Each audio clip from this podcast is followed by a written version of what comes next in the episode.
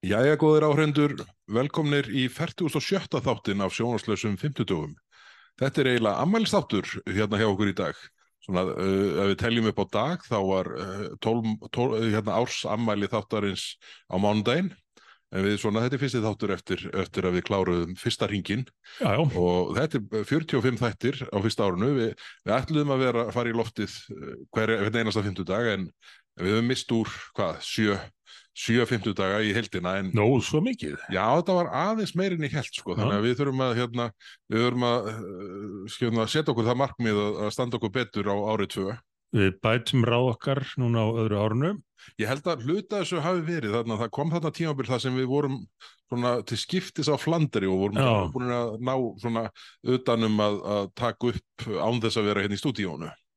Einmitt. Og, hérna, og nú erum við að gera, mann að segja það frá því fyrir þá sem eru að hlusta, við erum að gera hér tilraun. Við, það var ofta orðið ansi heitt hérna í stúdíónu, okkur. Já, svona glugginn stendur þannig af sig akkvært sólu að, að oft eru við hérna í daldum hita, hita mekki en eftir að yðnaðmenni fór að bóra hérna í, í miðjum þætti, upptök á miðjum þætti í tvö skipti í síðasta þætti það heyrðist ekkert á upptökunni þá ætlum við núna að leifa okkur að hafa gluggan að opna já, Þannig að- þannig að- miklu er. Þannig að ef þið heyrið í strætónum hérna á eftir, þá er mikrafónin að eh, nema strætóhljóðin en ekki borvélahljóðin. Það kæmi okkur dálítið óvart en, en við svona sjáum fram á betri tíð og, öllum líkindum verður bara eftir allt saman 50-52 þættir teknir upp næstu 12 mánuðina. Þetta er að hita stig meira súrefni, við viljum kannski skarpar í hugsun Já, á öðru árunu ef Það- að þetta gengur upp. það er nú svigurum þar til að bæta okkur, sko. Já, Hmm. En þetta er búið að vera skemmtilegur, skemmtilegt þetta fyrsta ár. Miklu skemmtilegra heldur en ég reknaði með. já, ég segi það sama. Þetta er svona, uh, kannski að mörgu leiti er þetta svona kannski dagbókin líka sem maður hefur aldrei skrifað en ætla alltaf að skrifa. Já, já, Það er svona, maður getur flett upp í sjálfum sér svona setna. Hvað vorum við nú að spekulera þetta í tengslu við þetta mál á þessum tíma? já, já. Þannig að hérna, en, hérna og svo höfum við komið á dagina, við höfum ekki sagt neina vittlesu í öllum þessum 45 þáttum. Nei, nei, er allt eru nú búin á því. Það- Það slíkt myndi gerast. Já, ég, já, ég held að það sé rétt hjá þér að þetta, þetta þóli mjög vel skoðun, það sem við höfum verið að benda á hérna í þáttunum. Það sko. og hlutinir í auknum mæli komið á daginn eftir því sem að Já, við, sjáum það nú bara, nú eru eh, þessi mál sem að sko við erum búin að vera að tala um, náttúrulega frá því löngu áður við fórum að stað með sjónarslösa 50 daga, Ma- mál sem hafa verið rætt hér í þinginu undanfærin 4-6 ár. Nú Já. eru þau einhvern veginn meira og minna öll í deglunni. Algjörlega. það, það er nokkurn veginn sama hvert hort er sko, þannig að, þannig að við, við verðum bara að vona að, að, hérna, að þetta laðvarpokar uh, eigi þátt í því að, að hamra inn það sem mestumáli skiptir hverju sinni. Já. Hmm. Hvað, hvað ætlar að gera í tilefni ársamælisins? Þetta er vissulega ársamælið því að eh, sami mánadagur lendir ekki alltaf á sama vikudegi, þannig að það var ekkit við þess að gera, við Nei, höldum okkur við Akkurat. 50 dagana, Akkurat þannig að þetta er ársamælistátturinn og hvernig viltu byrja hann? Heyrðu, sko, ég auðvitað ætla að byrja á því að byggast afsökunar á því að við erum ekki, erum ekki með köku. Já, sem er þetta fráleit mistök en við megum alveg við aðhaldinu þannig Já, að já. við svona setjum uh, hérna, við fyrirgjöfum mér það. Ég er hérna með sótavatn og havragrut já, ég er með sótavatn og kaffi. í afmælistættinum. já, þetta er við, hérna, við, nú segjum við bara þegar þáttu 50 fyrir loftið þá verðum við með köku. Já. Björgum, Allir- Björgum í hot þannig. Já. Heyrðu, það hérna, er eitt og annað búið að vera í gangi þessa vikuna. Ef ekki að byrja í þinginu Jó, er það ekki eðlegt? að hérna, þegar við tókum síðasta þátt þá var fyrir dagur fjárlega umræðanar búinn og uppsópið eftir en Já. síðan var á mánudaginn var svona ringormurinn nei, ah, bandormurinn bandormurinn rættur og hérna uh, eitt, eitt, einhver tíman mun mér takast að hérna uh, kalla þetta réttu nafni Er þetta ekki bara allt í lagi og kallir þetta ringorm? Já, það vita, allir hvað það lýsandi. þýðir ég meira sagt, þetta- sagt þetta í pontu sko að, hérna, að, en, en bandormurum var rættur á mánudaginn og hérna, og það er svona tekjuhlið fjárlaga pakkans Mhm. og það er nú svona uh, eitt og annað sem að það er að finna og þetta áformum þessar skattahekkanir sem að var búið að flagga og já, já. það eru alla kláraðar uh, alveg uh, eins, og, eins og svona aðvar stemt Skattahækkanir sem eru hluti af aðhaldinu, skilgrein þannig. Það var þó, ég ætla, ég ætla svona aðeins að hérna uh, rósa uh, já, ég, ég, er maður ekki bara ég hugsa að það var nú enginn komin að þessar ákvörðu nema bara Bjarni Ben með tilhugðu sinni fjármálar á þeirra að þessi 3,5% hækkun krónutölugjalda Já. þetta er þó til bóta frá því fyrra þegar sko stjórnvöld tóku af skarið og, og leittu hækkuna hrinu uh, í öllu samfélaginu með uh, hátt í 8% hækkun yfir línuna á krónutölugjöldunum. Já, já, við ákvaðum náttúrulega í sammenningu á sínum tíma, ég og þáverandi fjármálaráðara sem er enn fjármálaráðara, að hverfa frá þessu að að ríkið væri stöðut að hækka eða leiða verðhækkanir við uppkvæðs árs og, og stóð til að bara hverfa alfarið frá því svo þetta glemdist það og, og ríkið tók aftur að sér að ég var tónin með verðhækkanir hver áramót þannig að nú dregur aðeins úr því er spurning hvort að það sýtti marg sem að stýttist í kostningar en uh, að öðru leiti þá er hann ekki margt í þessum fjárlögum sem að er þess eðlis að, að það bendir til þess að menn sé að reyna að sanna sér pólitíst. Nei, nei, þetta er svona uh, taka þessi, er þessi fjárlög ekki svona með svona svipuðum undir tóni og, og kom fram í stefnuræðu fórsetsráðara. Það er svona verið að reyna að leppa uh, ágreining stjórnaflokkana komast í gegnum eitt ringi viðbútt lifa þessa fjárlega gerða af og sjá hvort að hérna, hjónabandi skánar ekki á nýju ári. En sjálfstæðisflokkurinn ætlar að bóða skattalækkanir uh, Í næstu, já, í, í næstu kostningabarótt. Það var tilkynnt um það, var ekki á, á landsfundunum? Jú, jú. Þetta er auðvitað alveg óskiljanlegt að sko að, að, ég bara, það er svona það er svona fullkomin uppgjöf Já, já, í því að standa eins og í þarna á þessum tíma frammið fyrir fullum, fullri lögatarsvöll, landsfutagesta tröstustu stuðningsmenn sjálfstæðarflokksins og bara telja það bara það besta sem hægt er að bjóða að búða skattaðekkarnir í næstu kostningabaróttu semast á næsta kjörtímabili í raun. Þannig að hérna, en það, en það því ég nefndi þetta með krónutölugjöldin í byrjun, sko, þau verða hækkuð um 3,5% já, en ekki samkvæmt verðbólgusbá. Það er nú strax til bóta, en maður velti fyrir sig hvort að þarna sé ekki komið svona raunverulegt verðbólgumarkmið stjórnvalda, en séu búin að sleppa, að missa trún á því að ná 2,5% markinni í fyrir sjáanleiri framtíð. Þannig að, þannig að það er að taka einhvern, einhvern milliskref í þeim efnum. Það kemur mann ekki á óvart, en, já. en svona það sem kannski uh, var En, en reyndar sko, verður að muna það að ríkið hefur ekkert með verðbólgun að gera. Ríkisútgjöldin tengjast því ekki neitt Nei, eins og, eins og framkom hjá. nýja hagfræði kenningin að spjörna en sko þetta kannski svona það versta sem að svona kom í framhaldi af þessari kynningu á fjárlögunum og, og, og þeim aðgerðum sem þar eru búðar ve, svona vestu skilabóðum þótti mér í raunni áhrifin eða ekki áhrifin á skuldabrjámarkaðin þannig að það var svona greinilegt að markaðsæðilar höfðu litla trú á að þetta væri einhvern sérstakt innlegg í, í baráttuna við verðbólguna sem eru auðvitað bara uh, eins og blasaðu verið lengi að, við, lengi að hérna, Sælabankin stendur dóldi einn í þessum slag. greinilega og þrátt fyrir þessar miklu auka tekjur vegna, vegna ferðamannana og vegna aukinar enga neyslu þegar að almenningur er að e, kaupa í, í kappi við velbólguna uh, þá samt ákveðu að hækka skatta og, og þar með talið uh, skatta á fyrirtæki sem að þetta velta út í verðlæð eins og eins og annað Já, já, já. frekar en að, að nota takkifæri til þess að, að skila bara hallalessum fjárlögum og gefa tónin hvað það var það. Hún var ágætt uh, hérna, uh, hérna, ég held að það verið viðtal við önnurhefnu hjá samtökum atvinnulífsins sem að gaggrindi það að, að það væri ekki hærra hlutfall af þessum viðbótartekjum sem óvæntu tekjum sem færu til niðurgræslu skulda heldur en raunin er. Og ég held að það sé alveg uh, blasi við að er réttmætt gaggrinni. Já, En bara þegar, þegar sjálfstæðarflokkurinn er í samstarfið við tvo útgjalda sjúkaflokka, þá er bara eh, þetta, þetta niðurstaðan. já, já, verið svona ekki spilna beinilins við fótum eða reyna það, eða ég vil hafa áhuga á því. Nei, nei. Uh, en uh, ef að færa okkur yfir í svona meira, meira aksjón í politíkinni, Já, það ekki. fjárlögin eru náttúrulega alltaf skemmtilegt umræðefni en, en kannski takmörk fyrir því hvað fólk þólir stóra skamta af fjárlögumræðum Já, já. en uh, Ráðlaðu dagskamtur er í raun mjög sko fáar mínútur af slíkri umræðu á dag. akkurat. En þú fóst í, eh, í, eh, í störf þingsins og helst þar kjarnirtaræðu sem hefur vakið aðtekli Já, og bentir á samhengi hlutana í nýjasta vandræðamáli ríkistjórnarinnar og matvælaráðarans. Segðu okkur aðeins frá því.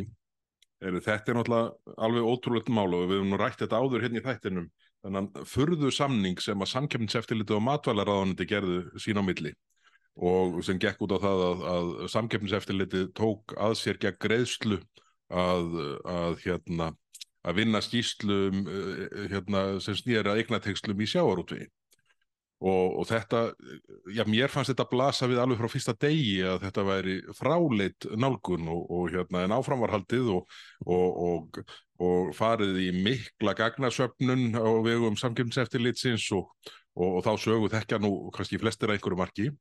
En að endingu koma því að Brím sagði nei bara við erum ekki að fara að afhenda við afhendum hérna ákveðin gögg sem er bara sjálfsagt en svo eru þið hérna hjá samkjöfnseftilitinu bara byggjum gögg sem er alveg fráleitt að óskæfti því að fyrirtækja afhendi og hafi ekkert með sko, hérna, það að gera að vera innleggi einhverja pólitíska vekkferð uh, matvalar á þeirra. Mm -hmm. Þannig að uh, Brím hafnar því að afhenda þessi gögn og samkjöfnseftildi leggur á dagsektir á meðan gögnin er ekki afhend, þrjár og hálf miljón á dag, hvorki meira nefnina. Oh. Og þetta er kært og, og, hérna, og, og niðurstaða kæru nefndar hérna áhrifuna nefndar samkeppnismála byrtist í gær og ég ætla nú bara að lefa mér að lesa þetta, þetta er nú stuttu texti en svona ég hef ekki séð viðlika rasketlingu í, á, á, á ofenberi hérna, uh, hérna frá ofenberum aðila í langan tíma hm. hérna segir í niðurstuðu kaplanum Í samkeppnislögum er ekki gert ráð fyrir því að samkeppniseftiliti gerir sérstakar samninga við stjórnvöld eða aðra aðila um einstakar aðtúanir stopnunarinnar eða tilhugun þeirra sem leiði til þess að stopnunin skili niðurstöðum sínum til þeirra í formi skísluna gegn greiðslum. Verður að telja að slíkt samræmist ekki því hlutverki samkeppniseftilitsins sem því er fengið í samkeppnislögum sem sjálfstæð stjórnvalds. Með hliðsjóna því verður þaðan að síður talið að samkefniseftilitið hafi heimil til að beita valdheimildum sínum og þvingunar úræðum eins og dagsektum til að knýja um afhendingu gagna vegna slíkra aðtúuna og skýsluskrifa.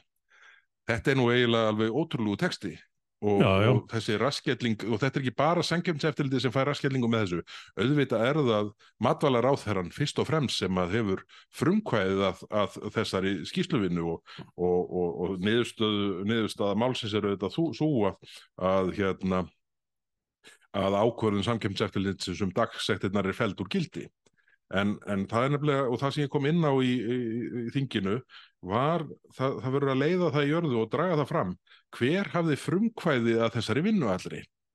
Mm -hmm. uh, núna, uh, í dag, daginn eftir að þessi úrskurður er byrtur. Þessari mjög svo óhefbundnu vinnu. Mjög óhefbundin. Og, og, og, hver var það sem bendi á að það hefði verið hægt að fá allar þessari upplýsingar með með einu manni sem kynna á Excel og einu ættfræðingi. Ég, ég held að það hefur verið guðmundur í Brim en hérna, Brim, en ég, hérna uh, já ég held það, það, það, það þetta tekið svona viku með Excel-skjælu og ættfræðingi. En, en uh, samkjömseftiliti gaf frá sér yfirlýsingu í dag vegna þessa.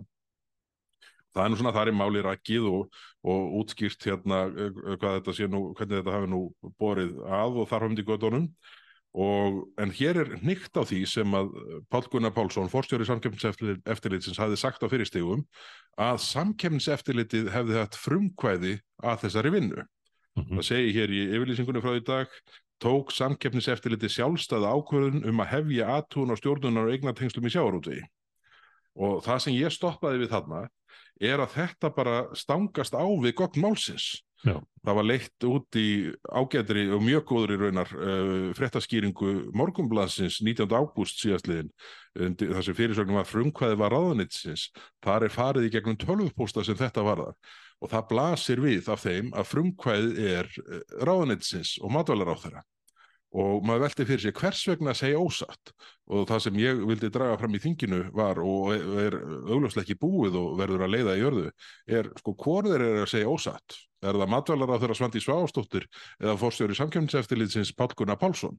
Því að það er útilokað annað en annað er að sé að segja ósatt. Já, já, og, og þetta, er, þetta, er, þetta er graf alvarlegt ef að uh, annarkvort ráðherran eða þessi forstjóri þessa, uh, þessara eftirlitstofnunar með sínar ríku svona þvingunar, uh, með sín ríku þvingunar úr, úrræði fer rámt með.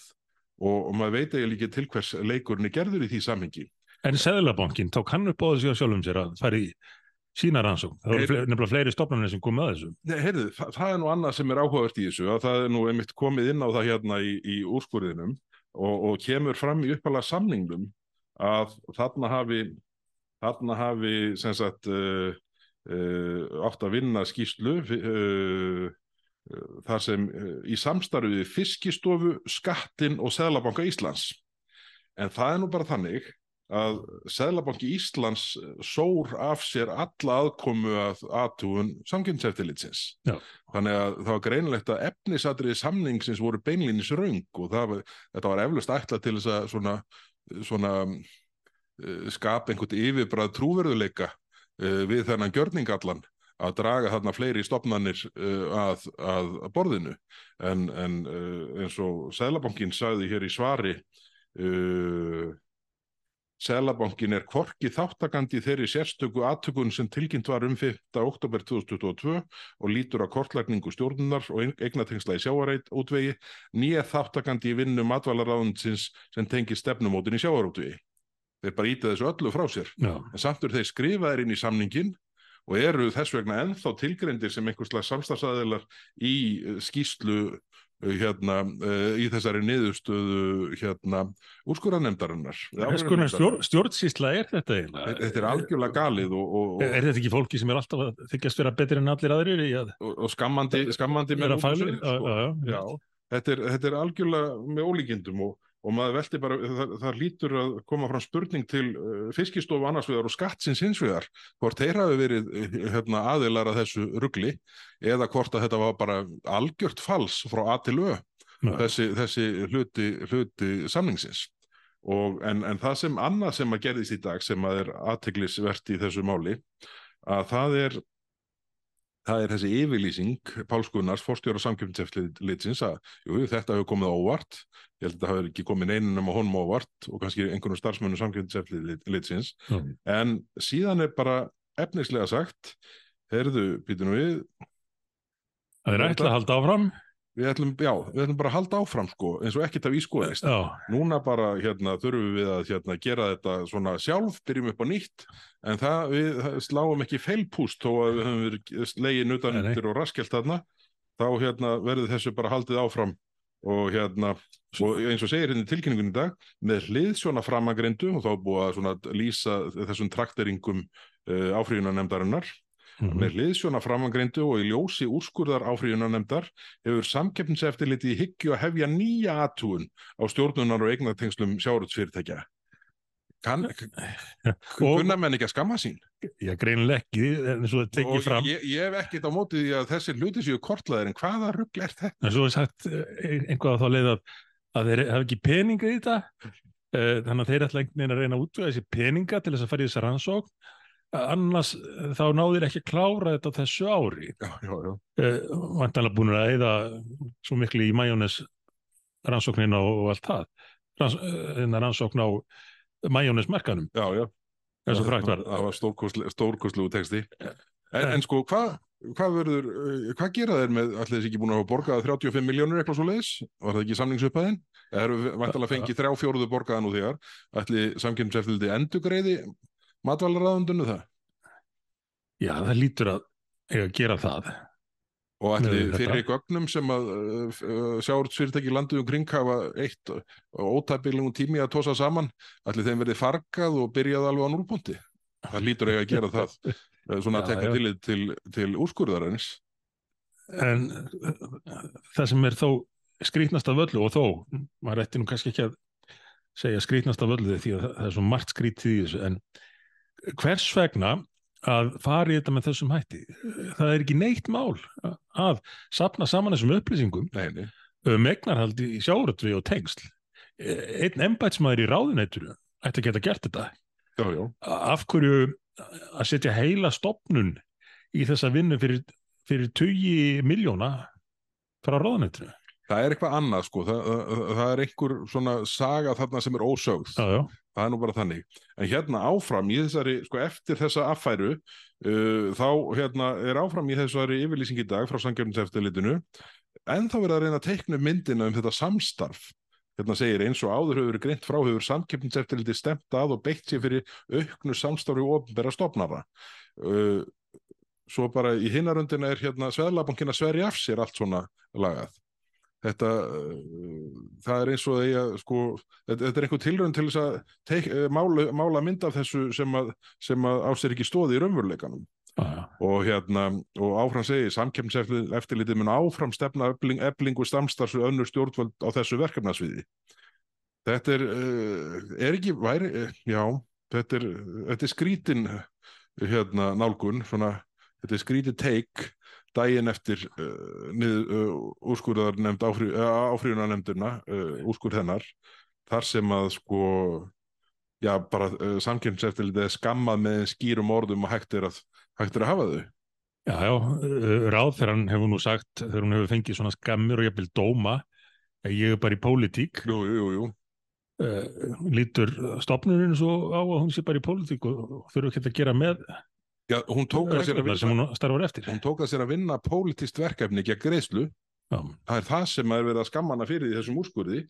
Það sem segir, bara eins og ég sagði á hann, með hliðsjón af því verður þaðan af síður talið að samkemnseftirlitið hafi heimil til að beita valdheimildum sínum og þvingunarúræði eins og dagsettum til að knýja á um afhendingu gagna vegna slíkra aðtúðuna og skýsluskrifa.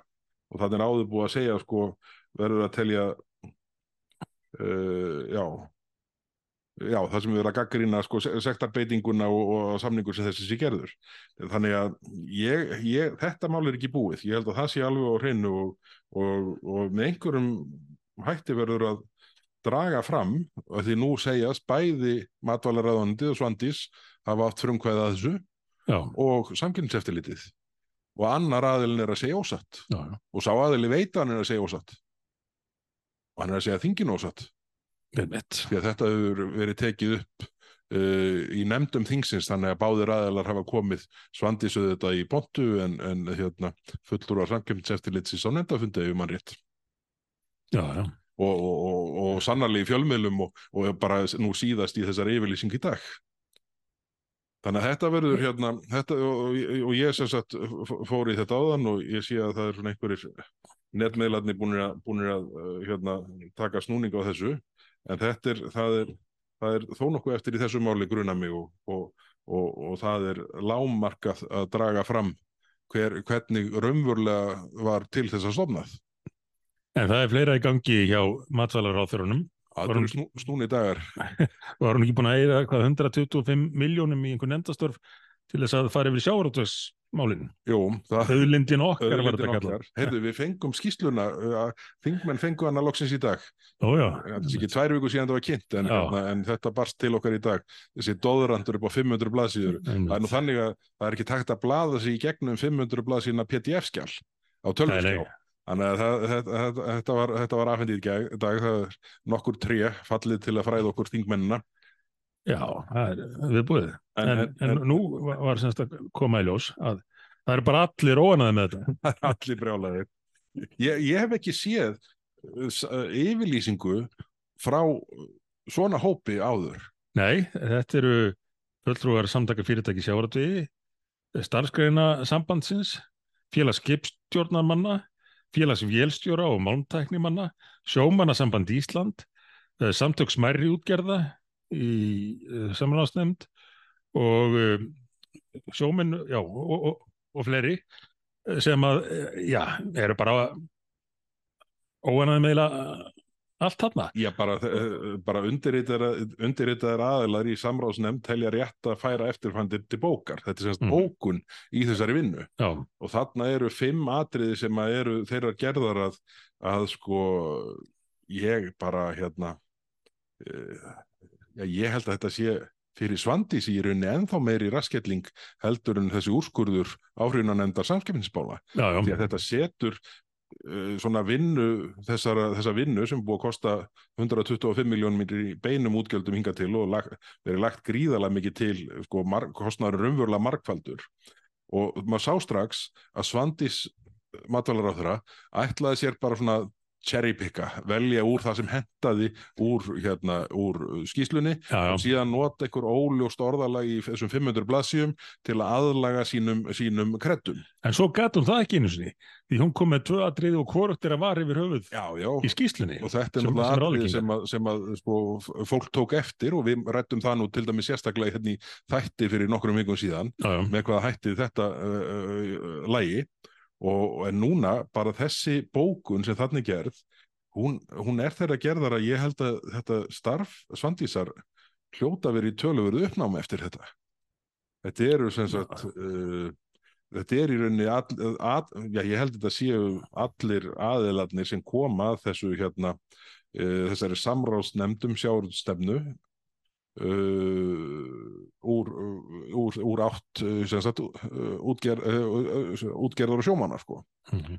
og hérna þannig að uh, fulltrúa sjárútvegs og stjættafélagi sjárútvegi telja margt misráðið við vinslu skýslunar og að niðurstaðan beri þess merki og síðan bókun hefur verið sendt matvalar á þeirra svandísu sváfstóttur og hana má lesa í heilsinni hér að neðan og þetta eru sko þessi fimm atriði sem að er sérstaklega nýtt á þau hérna Uh, sko, þau, þau eru grav alvarleg og, og ég ef að uh, Svandís ætlar að halda sínum taktu og leggja fram nýja heldarli lögjöf fyrir sjáurútveg í janúar eins og þingmálaskráin gerir á fyrir já þá undistrykar það bara að þetta var bara leikrit, bara skóðspil til þess að uh, auðveldenni að koma síðan fram með það sem hún ætlaði að setja fram allan tíman hvort sem er. Einmitt. En talandum þessa fyrirmyndar stjórnsýslu ráðarans, hvenar er von á niðurstöðu varðandi uh, hvernig staði var að fyrri kvala ákvörðunni? Já, áfram bara, þetta eru erfiðir dagar hjá Svandísi. Erðu, það er, ég held að það sé áallan núna einhver tíman í svona setnipart oktober. Þannig að, uh, þannig að það og, og, og svona þau gögg sem þegar liggja fyrir og, fyrir og er orðin ofinber eru þeirra gerðar að, að ég rekna nú ekki með að þau þurfu að svona mæta með köku í vinnuna til að fagna jákvæðri niðurstuðu umbósmas uh, í, í þeim efnum. En nógu erfiðlega gekk nú að finna þessi gögn hjá þeim og skrapa, skrapa saman einhverjum rökum. Það, það var auðvitað bara því þau voru ekki til. Já, já.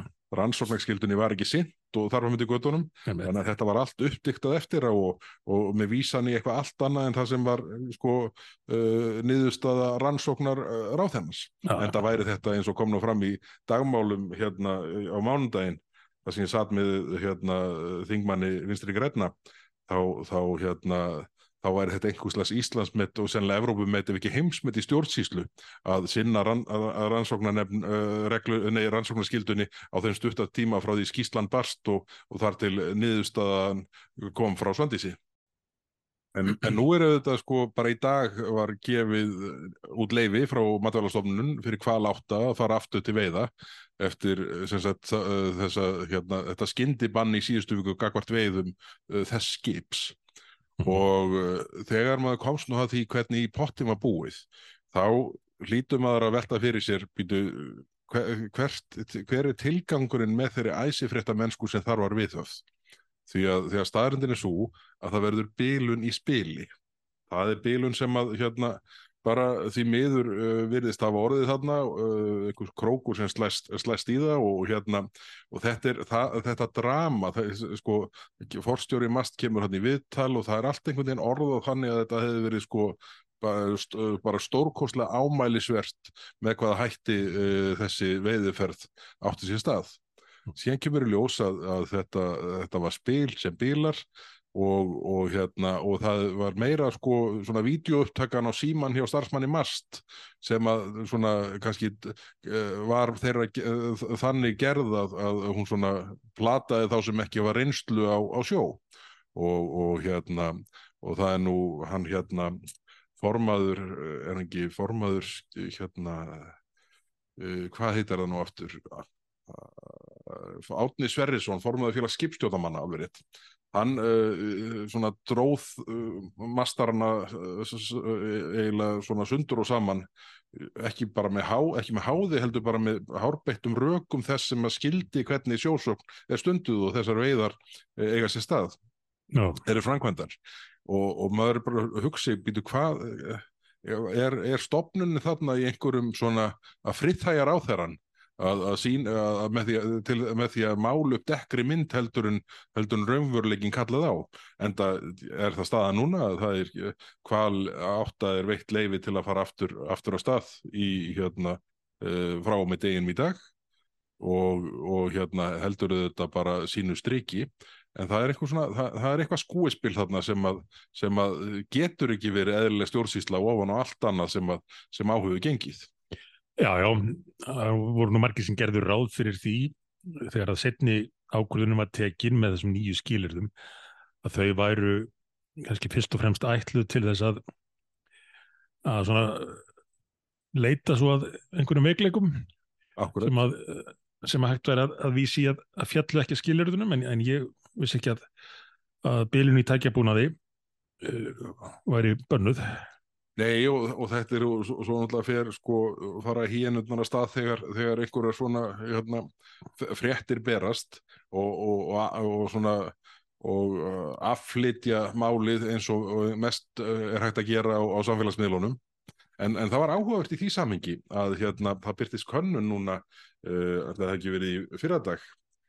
Þar sem að hérna var sagt frá þjóðapóls í Gallup uh, þetta var 19, já þetta var, þetta var bara í gær Uh, uh, við erum semst að taka upp á miðugutaskvöldi núna. Uh, byr- byrtum þáttin á morgun uh, það, það sem fyrirsögnin er mikill meiri hluti landsmanna stutti ekki aðgerðirnar. Og þá var þarna Gallup að spurjum aðgerðir þar sem að hérna erlendu konurnar tvær komu sér fyrir þarna í, í tunnunni upp í mastri kvals, kval, kvalveðibátana já, og hérna og og þarna segir bara sjö af hverjum tíu landsmónum stuttu ekki aðgerið tvekja mótmælanda sem hlekkjuðu sig við mastur tvekja kvalviðskipa í Reykjavíkur höfn fyrir september og Rátt fyrir miðað við- alla, spennuna í, þrátt í fyrir alla umfjöllunni. spelluna og allt Það er á orðnar bara og það celebrity og- Já, og, og, sko þannig að, þannig að það eh, ég, ég er bara mjög, ánæði með landsmenn að, að, láta ekki hérna setja úr jafnvægi með, með, með svona dellu uppákomum og það er auðvitað við verðum að hrósa okkar fólki fyrir þetta, það er auðvitað tröstast í þessum málum eins og, eins og flestum öðrum að, að það er ekki nema 1% stuðningsmanna miðflokksins sem stutti þessar aðgerðir.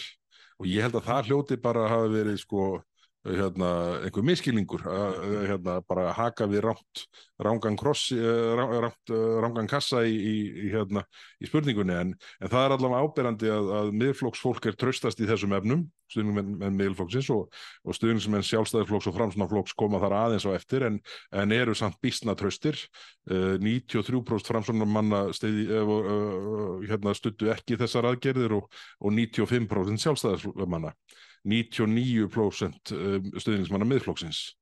En svo eru þetta vinnur okkar í Píratum og Sósíaldaflokknum og samfélkingunni svona dálítið illa rángstæðir í þessu máli eins og, eins og svona uh, hérna, eins og kannski komið fram í málflutningi þeirra gagvart hvað kvalveðarna varðar.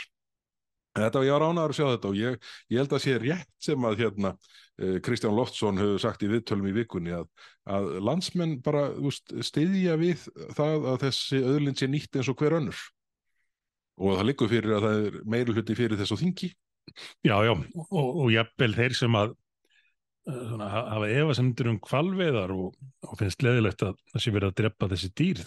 Þeir eru ekkit allir á því að, að, að það er að beita svona aðferðum. Nei, nei, akkurat, akkurat Vilja bara rökraðum málið. Já, já, einmitt Það er nú yfirleitt besta leiðin til niðurstöðu Herðan verðum við ekki aðeins að taka hérna, færa okkur úr hérna, haftengdum málefnunum taka nokkur orðum stöðun í hælisleitindamálum Jú, nú eru konar nýjar tölur. Það er byrtast nú jæmt og þétt og, og eins og við var að búast og menn gátti gefið sér þá þá er ströymurinn ekkert að minka og verða eflaust enn fleiri hælisleitundur á þessu ári en því síðasta en það þegar að uh, þessi keðjuverkun er komin af stað þá bara ítir það undir áframhaldandi fjölgun. Og ég tala nú ekki um þegar að viðbröð stjórnvalda er engin. Og þau hafa engin verið sem heiti getur. Uh, en nú segir nýju dómasmálur á þeirra að hún hugsi sér að að leggja til einhverjar breytingar og að vinna í málum. Við sáum nú í þingmálaskrá ríkistofnarinn eins og við nefndum í síðasta þætti að hún var einhverjum tveimur málum frá ráðferðanum á þessu sviði án þess að það væri almennilega útskýrt hvað í því fælist í þeim frumvarpum en það sem að maður óttast eins og er er að þetta sé bara þessu sé kastað fram. Við höfum séð þetta svo oft áður sé kastað fram til þess að virðast vera að gera einhvað í málunum eða virðast ætla að gera einhvað en svo gerist ekki neitt. Þetta er svona, svolítið svipað og umræðan í sörstæðisflokknum um, um borgarlínuna núna og samgöngusáttmálan allt í einu byrjar að tala eins og þessi að kveikja á perunni en hvað mun gerast? Því að í báðum uh, þessum málum þá hafa þau miklu leiti verið kerað áfram af já. uh, og ímsar ástæði fyrir því. Að hluta til náttúrulega að flokkurinn er orðin svona kerfisflokkur sem að, sem að eldir kerfið á, á endanum. Uh, og uh, er hallur undir það. Uh, og í báðum tilvíkum er þetta vandamál sem að sem þeir byggu til með opin augun þrátt fyrir viðvaranir ítrekkað á undanförnum árum og ekki, hvað síðist frá okkur? Þess að spyrmaða sig áhjákvæmilega ætlaði sér að gera einhvað í þessu og geta þeir gert einhvað í þessu er þeir færir um það. Uh, við þetta vonum það best á og við munum fylgjast með þeim og hvetja þá til dáða. Og styðja við bakið á þeim ef, ef, Já, já. ef til þess kemur. Að sjálfsögðu. Uh, og, og minna þá á ef þeir eru ekki að framkama í samræmi við þetta. Því að í svona stórum málum þá dögar ekki bara tal og koma við og við með einhverja yfirlýsingar um að nú sé verið að skoða það að gera einhvað í, í málunum. Þetta er orðið eins og menn hafa jú viðurkent núna algjörlega stjórnlaust uh, og ekki ekki við neitt ráðið. Alltaf, alltaf bara komið með einhvað til þess að, að sko, taka meira og meira móti vandanum í staðins að, að ráðast að rótvandans nú síðast byrjaði að leia hótel til margra ára til að geima uh, hælisleitundur sem hefur nú aldeilis reynst vel annar staðar eins og í Breitlandi þar sem að uh, hótelreikningur stjórnvalda á dag er komin í uh, 1300 1400 miljónir króna. 1,3-1,4 miljard á hverjum degi já, þessum því nefnur og, og, og svo er eftir komið frumvarpið um, um að breyta skrifstofuhúsnaði og innarhúsnaði í, í flottamannabúðir menn eru að undibúa sig undir það að ná engum árangri. Já, það eru greinlega, það er akkurat frumvörpin sem er búið að sína okkur. Já, og, og, uh, vel orðað, það er bara nákvæmlega þannig. Og ég held að þetta sé að miklu leiti vegna þess að menn skilja ekki eðli vandans uh, maður reykur svo ofta það þegar þessi mál eru til umræðu að það er engin skilningur á, á eðli þessa vanda og þar af leiðandi engin svör við því hvernig ég að taka á honum. Jó, nú er ráðferðan aftur að fara að tala um það sem við erum búið að tala um hérna í, í nokkur ár. Að það þurfum við að uh, flýta málsmeðferðartíma. Já, gott og vel. Auðvitað þarf að gera það og hefði átt að gera strax 2016 eftir að útlendingalögin sem að settu þetta alltaf stað voru samþygt. Uh, þá þurfti að sjá byrju, þetta gengur ekki, nú þurfum við að hraða afgjörstunum og taka bara upp 48 tímaregluna sem kendi við Noreg. En það að tala um þetta núna Þetta sá Sigriður Andersen strax. Já, já, það er rétt. Það er, er þess verið að minna á það en einhvað svona tal um, um fljótar afgjörslu núna, það, það leysir ekkert málun vegna þess að í millitíðinni er búið að búa til kerfi sem gerir það í rauninni ómögulegt að flýta já. Allir þessir áfrýjunar möguleikar, öll þessi þjónusta, lögfræði þjónustu og annað sem er í bóðið fyrir alla óhátt í hvort að þeir yfir höfuð eigi nokkurn rétt. Uh, þá geta menn verið hérna í eitt, tvö, þrjú ár á þess að hafa nokk tíma nátt réttin Já, já. með því að nýta kerfið sem búið er að smíði í kringunda og jafnvel þegar eftir þrjú ára menn fá það niðurstöðu, þeir hafa aldrei átt hennan rétt þá eru menn að velta fyrir sig núna já, hvað gerum við þá?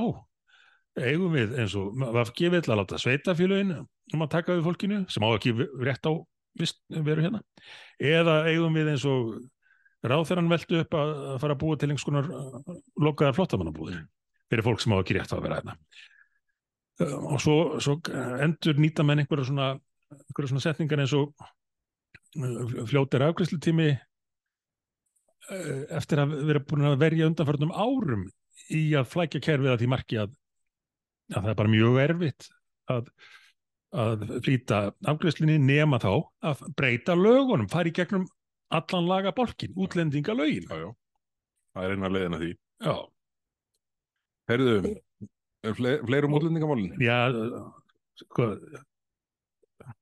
þetta er bara svo sorglegt hvernig búið er að klúðra þessum málum hér á landi og alltaf verið að bæta ofan á klúðrið því að það er ekkert mörg ár síðan það komu fæstir umsækjendur um alþjóðlega vernd eins og við vilja kalla þetta núna, fæstir hælisleitindur uh, til Íslands og, og hlutvarslega líka held ég í, í Evrópu.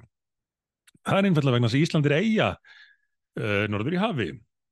Og menn þurftu alltaf að fara í gegnum önnur lönd áður en þau komið hingað. Uh, og þau lönd áttu að afgreða mál þessa fólks.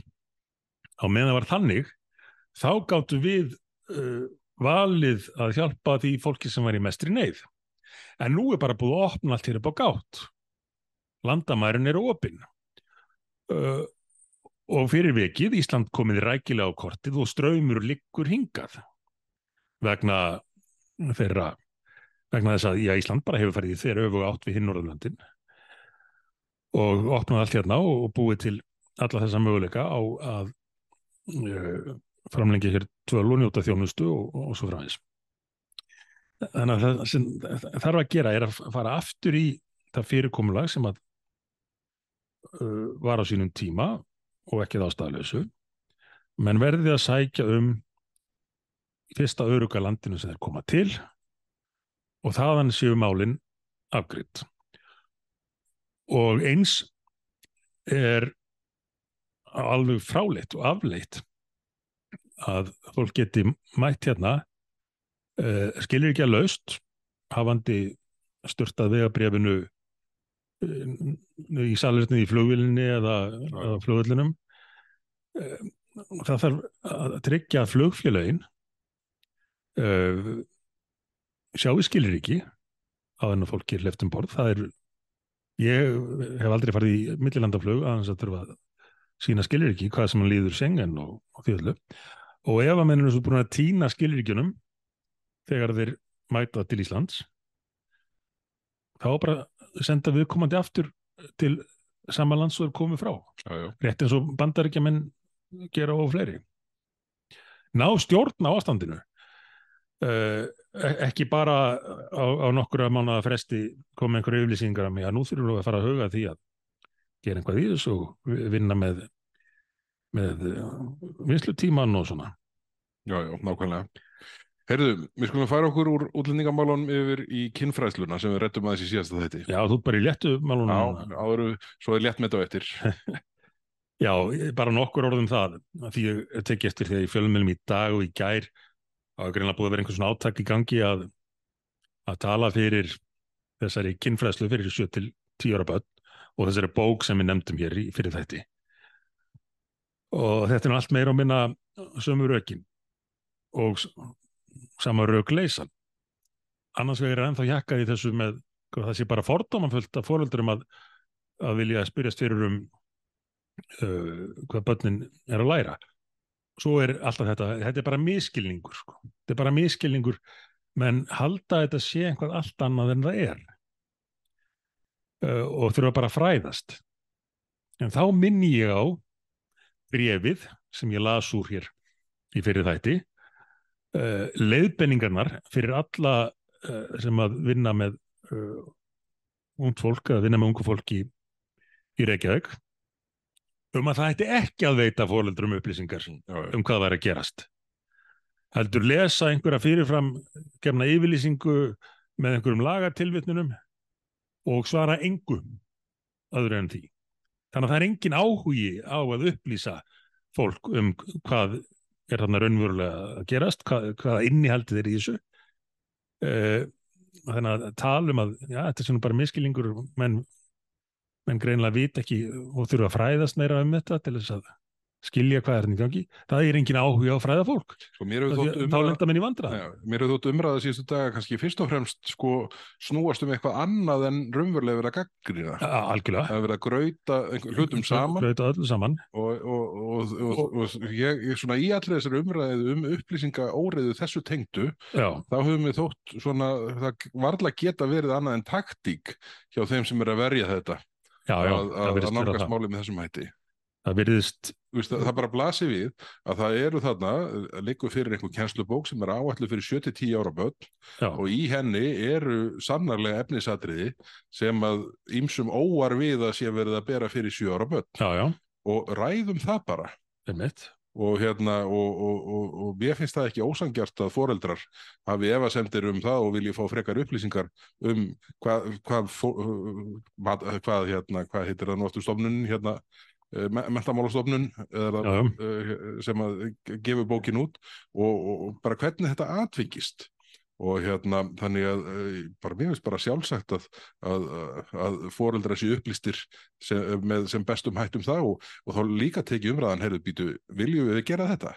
Já, er eitthvað vitt í þessu? Meina, hvað er sjálfsagður en að foreldrar fá að fylgjast með Veist, þetta er hluti sem að bara má vel vera sé, sko ástæðu til að ræða þegar kemur nær kynþróska barna til að mynda en, en sjóra börn hafa bara ekkert með það að gera sem ég til dæmis las upp hér í síðasta þætti. nei, Ég nei, ætla nú ekki að endur taka það. nei, nei og þó varstu ekki að lesa svona grófustu uh, atriðin úr þessu Nei, nei. en, en svo kom alltaf þessi rök að að börn uh, séu hvort er að kynnast uh, klámi í, á netinu. Og uh, þess vegna já, þess vegna virðist bara vera betra að þau læri klámið í skólanum. Þetta er eins og sko, að halda ég fram að já, já, mörg börn komast ekki kynni við áfengi mjög ung. Þannig að er ekki bara betra að kenna þeim að umgangast að í skólanum að hafa vinsmökkun fyrir sjóra kannski aðeins útþynt í vatni eða eitthvað. Já. Eh, þetta er bara rögleisa því að það sem að margt að þessu kennsluefni gerir er að gera krakkana forvitna um þetta og opna á að þau prófi sig áfram, skoði þetta. Það er beinlýst hvað til þess að menn prófi sig áfram og allt sé einhvern veginn leifilegt í staðin fyrir að þetta sé forvarnar kennsla að varast uh, hættur á netinu og slíkt. Já, já. og eins og á einu þessum plakkutum að það sé beinlega sagt þú átt líka með henn og þú mátt taka myndir á honum taka myndir af þér nakin og þú mátt ákveða að taka á móti myndum. Eh, þú mátt senda myndir af aðra sem þú trestir og þú mátt taka á móti myndum.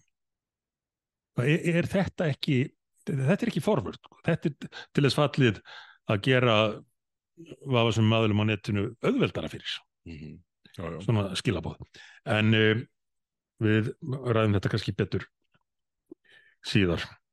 Heru, þá ætlum við að vippa okkur í annað léttmeti, það eru já, og við ætlum að fara til Breitlands. já er, það voru tíðindi þar í svona var aldrei að hérna, stíga inn í málinn og sem að hérna, Boris Johnson svona kannski var hvað rángstæðastur í uh, á síðasta uh, svona, já, er ekki þetta að segja á seinni hluta, fórsetsir á þeirra ferilsins. já, já þeir eru með þetta sem, sem kallað net zero kallað kólefnis hlutleysi hér og stefna því að ná því fyrir árið 2050 sem að sumir telli nú algjörlega órunöft. Ég er ætlað að Íslenska ríkistjórnin að ná þessu fyrir 2040 ef við orðið einhvað takmarka ágengt í því uh, og, er, og eru eftir áallun með það. En, en þetta hefur leitt til mjög íþingjandi regluverks í Breitlandi sem að sífælt er bætt í. Var nú mitt bent á það, ég held að Súnak hafi bent á það í dag að síðast er að var verið að setja svona nýjar íþingjandi reglur á mannskapin á, á þjóðina. Þá var það rætt í sjö mínútur í þinginu og, og flöt bara í gegn með öðrum kerfismálum.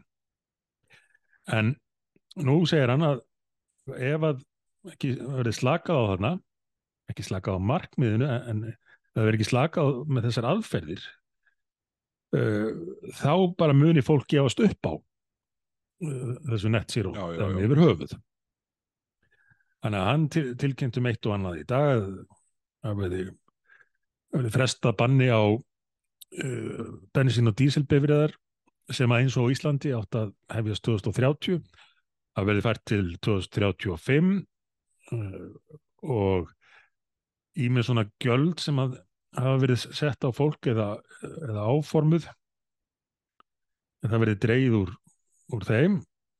Fólki leift að hitta húsin sín og, og búa í húsum þó að þau sé ekki 100% einangruð og það sem að vakti nú ekki hvað síst eh, aðtegli mína var að eh,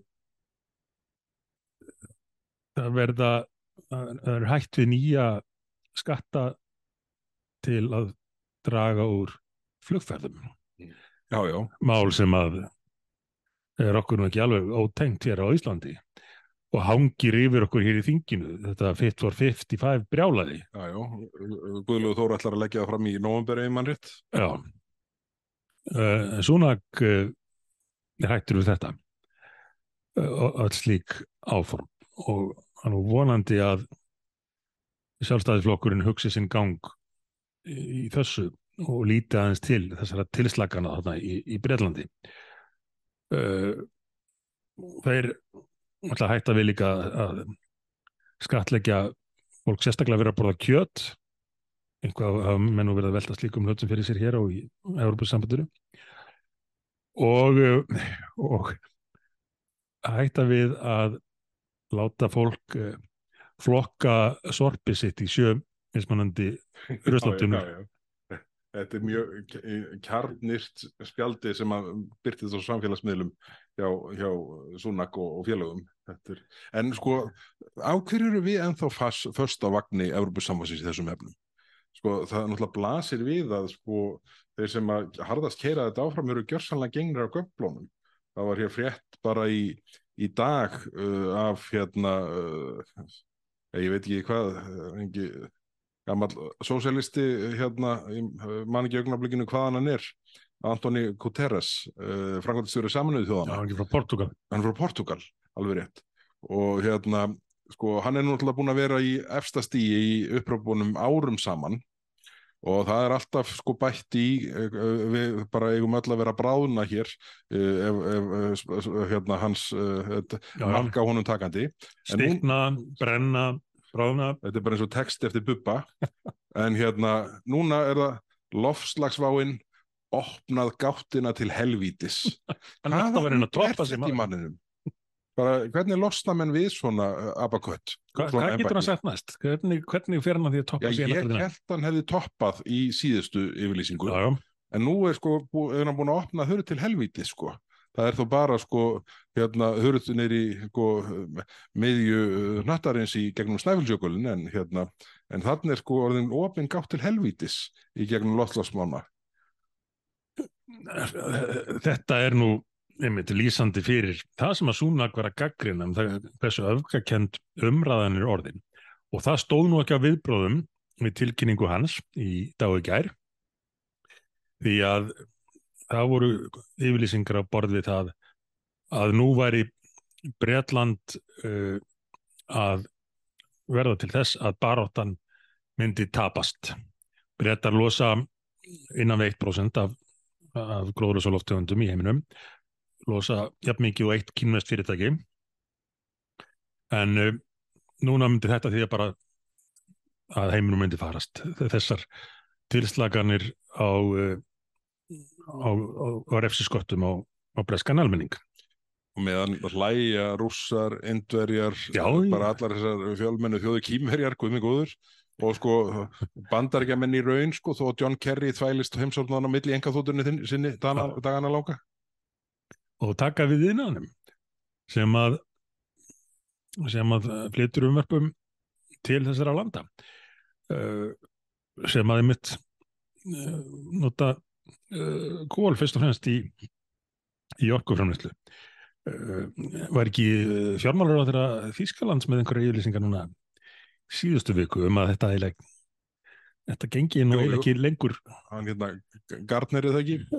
Eitthvað uh, hann var hérna, jú, hann, hann var hérna hann var að byggjast, nei, nei Lindner hérna uh, hann var að bygg- byggjast undan þessu Kristján Lindner, uh, fjármálar á þeirra uh, Þískalands og, og hérna, og í rauninni þetta var í viðtali við politi Politico og, Já. og bara það þetta blasir við öllum sem sjá áhrifina þessu og sko er ekki afnætun að uh, áhrifin til að mynda á þýska hagkerfið eru alveg hrikaleg. Já, já, og það er bara hérna, stöðnun uh, í raun búin að vera viðvarandi þann, þar um langa ríð og, og, og ekkert sem bendir til þess að, að þýska efnagskerfi sé að komast út úr þeirri stöðu. nei, nei. Allra síst með, með þessu áframaldi. Það er hérna, En þetta að, að svona slaka aðeins á mesta brjálaðinu í, í refsistefnunni uh, og reyna að koma aðeins til móts við uh, tekjuminna fátakara fólk það semst í dag hefur orðið til þess að að þetta er kallað mesta uh, skömm Bretlands frá upphafi og annað eftir því. Já, já, það er allt saman sko. já, já, bara kjarnaatriði hjá Lindner, þýska fjármálaráðurum í síðustu viku, sko, var í rauninni það að segja, sko, bara vara Brussel við því að ef að Brussel ætlaði sér að keira áfram þess að uh, breyttu sko, uh, orkustefnu gagvart uh, húsnæði, þá, hérna, þá væri það eins og hann orðaði það uh, Finance Minister wants that Brussels push to make buildings across the bloc more energy efficient would threaten social peace. Já, já. svona félagslega svona sáttin, samfélagssáttmálin myndi brostna, brotna ef að menn, menn ætluðu sér að þvinga svona óraunhæft regluverku upp á samfélagið. Eh, á sama tíma og, og ströymur uh, hælisleitenda vex bara og, og vex og það má ekki ræða það og svona hryktir í stóðum samfélagsins af þeim ástæðum, já, já. þá bætist þetta við á samt tímsu öðru nákvæmlega þannig að þetta er eflaust rétt hjá hann Herðu, en aðeins tengt hérna loftslagsæfingunum öllum, þá Já. er alveg hérna áhugaverð frétt sem byrtist í dag þar sem var sagt frá því að ungmenni hafi höfða mál gegn 32 þjóðum og þá er verið að höfða mál á þeim grundvelli að, að, að þjóðurnar sé ekki að gera nógu mikið til að bregðast við, við hérna við uh, loftslagsvánni eins og hún er kölluð þetta var nú alveg kostuleg grein sko og þetta er sko, þetta er, á- þetta er á morgunblæðin í dag já, og uh, hérna segir mál 6 portugalskra ungmenna gegn 32 þjóðum verður tekið fyrir hjá mannréttindadómstóli Evrópi í næstu viku. Hefur mannréttindadómstólin ekkert að gera? Hvernig, Ja, hvaða rödd er þetta? Ungmennin saka þjóðunar um að gera ekki nægilega mikið til að koma í veg fyrir hlínun jarðar. Og sko, en eh, það sem ég óttast og það sem ég, hérna, ég held ég hafa nú sagt þetta að minnstakosti í, í ræðum hér í þinginu, sko við auðvitað siglum inn í eitthvað svipað bíó fljótlega núna þegar ríkistjótin sem við sittum upp með er í einhverjum bjánaskap búin að lögfesta markmið sín í loftslagsmálum um samdrátt. já, Það er bara eins og að lögfesta að Guðlúður Þó Þórðarsson geti stokkið tvo metri hástökki. Það dykti það engum til hugar. algjörlega bara fáránlegt og ég man ekki eftir því að nokkur maður hafi hérna í þinginu uh, sett út á þetta eða varað við s- nema, nema við Nei, nei, það var þannig, við vorum eins og oft vil verða algjörlega einir í því. En þetta verður auðvitað grundvöllur þess að einhverjir hérna vaða hér fram með svona dellumál eins og núna og eða tíma mannréttindadómstólsins í hér á Íslandi sem bara, heyrðu, það er búið að lögfesta hérna þessi markmið, það skal ná þessum samdrætti, stjórnvöld er ekki að gera nóg. Stjórnvöld mun ekkert gera nóg í þessu samingi að því markmiðið er þvæla. Það er órunhæft og það er bara þannig, það má ekki kosta hverju sem er til til þess að ná einhverjum sko uppdiktuðum, órunhæfum og gagslausum markmiðum. Nei, það, er alveg á hreinu hvernig þetta þróast. Við höfum séð að gerast í öðrum löndum sem hafa tekið upp á svona vitleysu, svona síndarmennsku, eins og að löglega einhver markmið. Að það veikir stöðu stjórnarða til þess að taka síðan ákvarðanir í framhaldinu og opnar þau fyrir endalausum málsóknum og, og uh, flækjum í því að framkama nokkuð skapaðan hlut.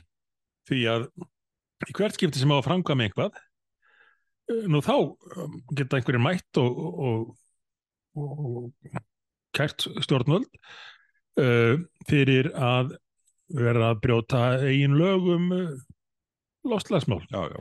með því að leifa byggingu á já, eiginlega bara hverju sem er er bara virkjun til að virkja Já, græn já, já. orku, verður undir Norpin svona rugli.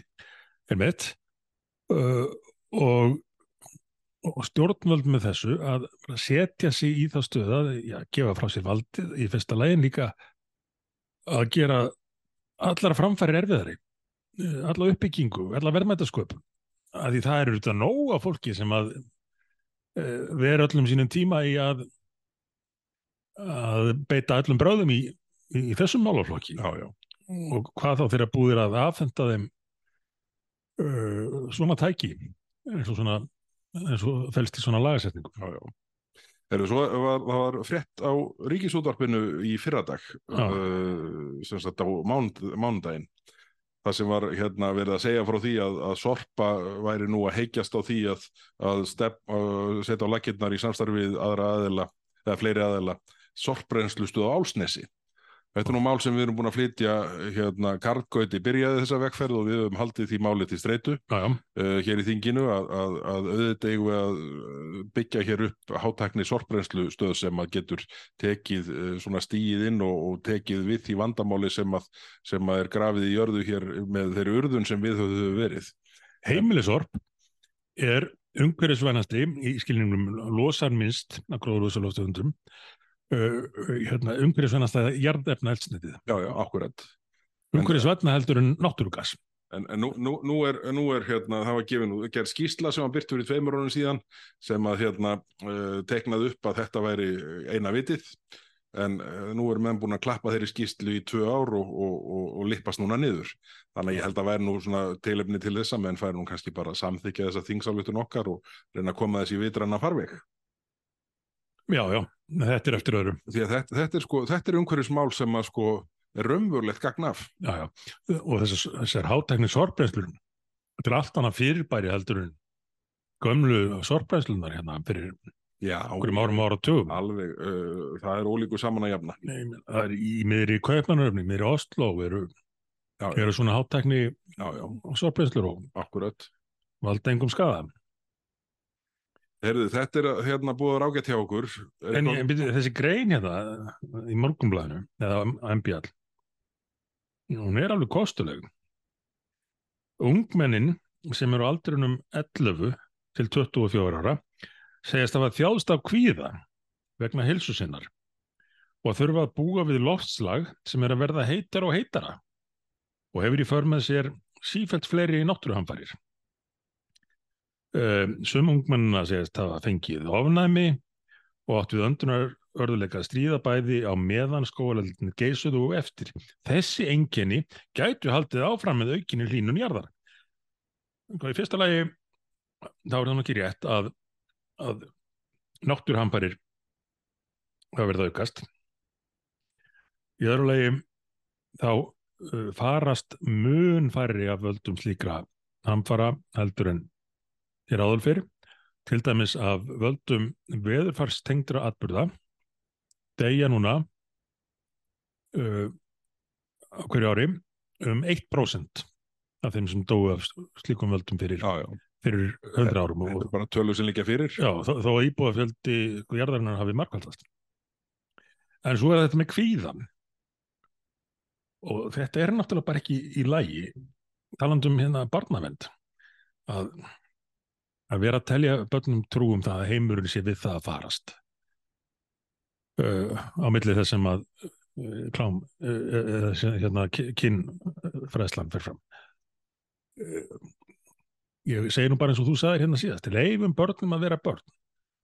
Og, og leysum leysum, höldum áfram að leysa umhverfismálin fyrir þau í stað þess að byrja á því að tellja þeim trúum að jörðin sé að farast og gera þau svo að helstu sérfræðingunum í hvernig ég takast á því. Það, það, það er, það er skynsalegri leið heldur en svo sem nú er farin að því að ná einhverjum árangri í þessum efnum sko. bara árangri því að bara ganga vel um umhverfið og jörðina. Það, það er hérna, það sem þarf að gerast. Það gerist ekki með þessum sko eh, drakónían bóðum og bönnum sem að eru dyktuð upp í uh, Brussel og hjá saminu í þjóðum og hvað þetta heitir allt saman þetta loftslagsbyggs.